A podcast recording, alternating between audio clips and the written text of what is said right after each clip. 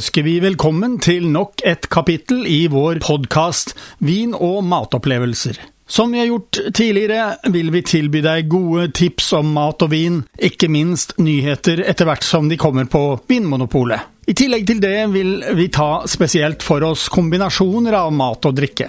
Vær så god, det er servert. Ja, da er vi igjen i gang med å dele noen av inntrykkene vi har fra de nyheter som nå på starten av året har kommet på Vinmonopolet. I de siste episodene har vi hatt med oss noen flotte viner, men jeg må innrømme at de trolig har vært i en prisklasse over det som kan være interessant for folk flest. I denne episoden har vi hatt eh, føttene godt plantet på jorda, og holdt oss innen et prissegment som de fleste kan føle seg hjemme i. Vi har tatt for oss én hvit og to røde i dag. To av dem fra Portugal og én fra Uruguay i Sør-Amerika. Akkurat nå sliter Portugal og Sør-Amerika, for den del, noe voldsomt med pandemien, men vi får se framover og glede oss til en tid der vi kan få besøkt vingårdene der nede igjen. Da skal vi altså først til Portugal. Derfra kommer det blant annet noen virkelig flotte fiskeviner. Jeg som er så glad i unge og fruktige viner, har mange gode viner derfra å kose meg med. Vi skal til vingården Solar das Buchas, som ble startet for 150 år siden. Denne vingården ligger i Mino-regionen, nærmere bestemt i Vino Verde-området, et stykke nord for Porto. Denne vinprodusenten benytter de to lokale druene Loreiro og Alvarinho i sine hvitviner, og de bruker utelukkende druer fra egne vinmarker. Jordsmonnet på Solar das Buchas er hovedsakelig granitt, som gir en fin syre til vinene. Og klimaet er påvirket av Atlanterhavet. Temperaturen er mild året igjennom, og det er forholdsvis høy luftfuktighet.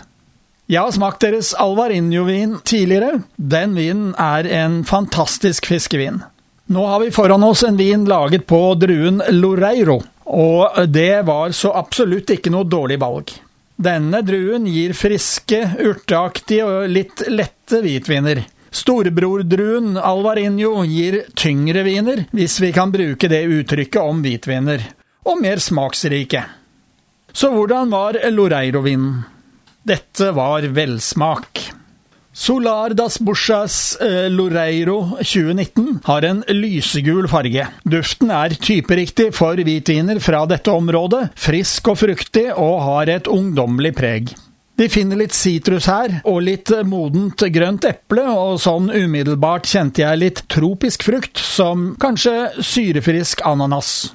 Smaken er svært fruktig og har eh, god fylde. Den prikker litt i munnen, og siden denne vinen har naturlig litt karbondioksid, noe som gir en ekstra friskhet til vinen. Dette er også typisk for mange hvitviner fra Vino Verde-området. Vin er en tørrvin, men med så god fruktighet at det balanserer godt. Så hva slags mat kan vi bruke til denne? Jeg testet den til en liten forrett med tunfisk og diverse snadder. Det passet utmerket. Skulle gjerne hatt den til skalldyr som reker, blåskjell og krabbe også. Hadde jeg i tillegg fått den servert sammen med en god fiskemiddag, hadde jeg blitt storfornøyd. Dette er en vin til 120 kroner, som vil være innenfor et prisleie som de fleste vil føle seg hjemme i. Du finner den på bestillingsutvalget, men flere utsalg har den inne. Dette var en tiltalende vin som vi vurderer som et meget godt kjøp. Neste vin er en rødvin, også den fra Portugal. Litt lenger sør enn den hvitvinen vi hadde. Den kommer fra vinhuset Casa Santos Lima, og er produsert i området Alentejo. Som nevnt tidligere har vi besøkt dette vinhuset, og vil gjerne besøke det igjen, for dette er viner det er lett å like. Slik er det også med vinen Fortissimo 2019. Den er stort sett laget av de lokale druene Toriga National og Alicante Boucher, men også de franske druene Syrah og Petit Verdot. Fargen er litt rødblå, noe som vanligvis forteller meg at rødvinen er svært ung. Duften gir et saftig og ungdommelig preg, i tillegg finner du modne, mørke bær.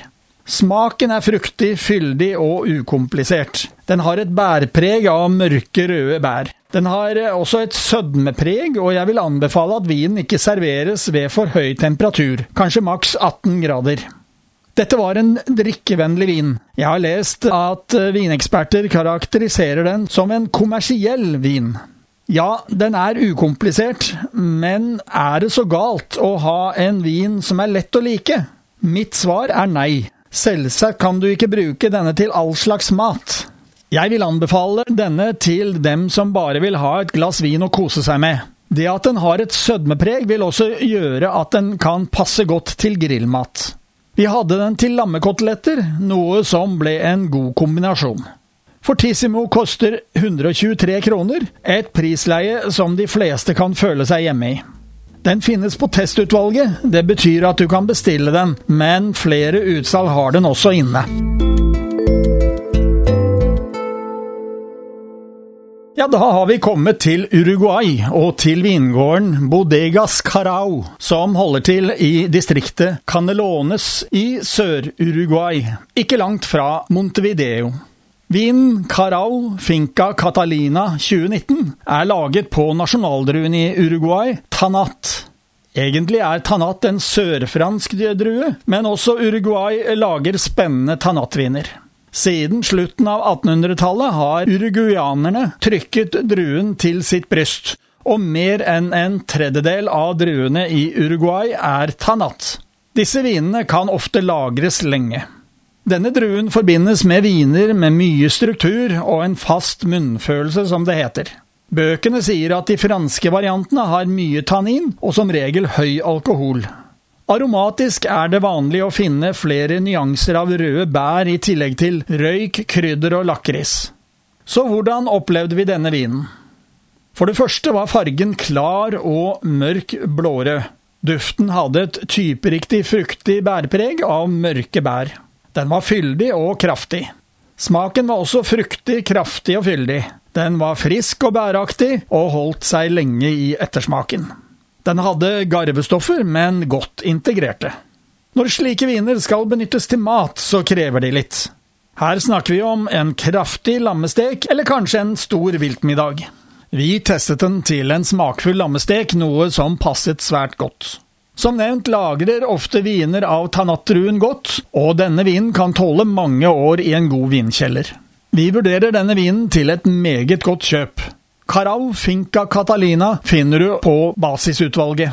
Prisen, ja den er det lite å si på for en slik vin med kraft og fylde. 155 kroner.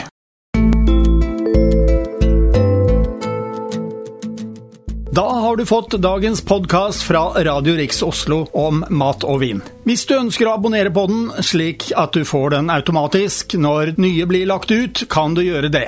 Kommende mandag får du neste kapittel. Vi høres!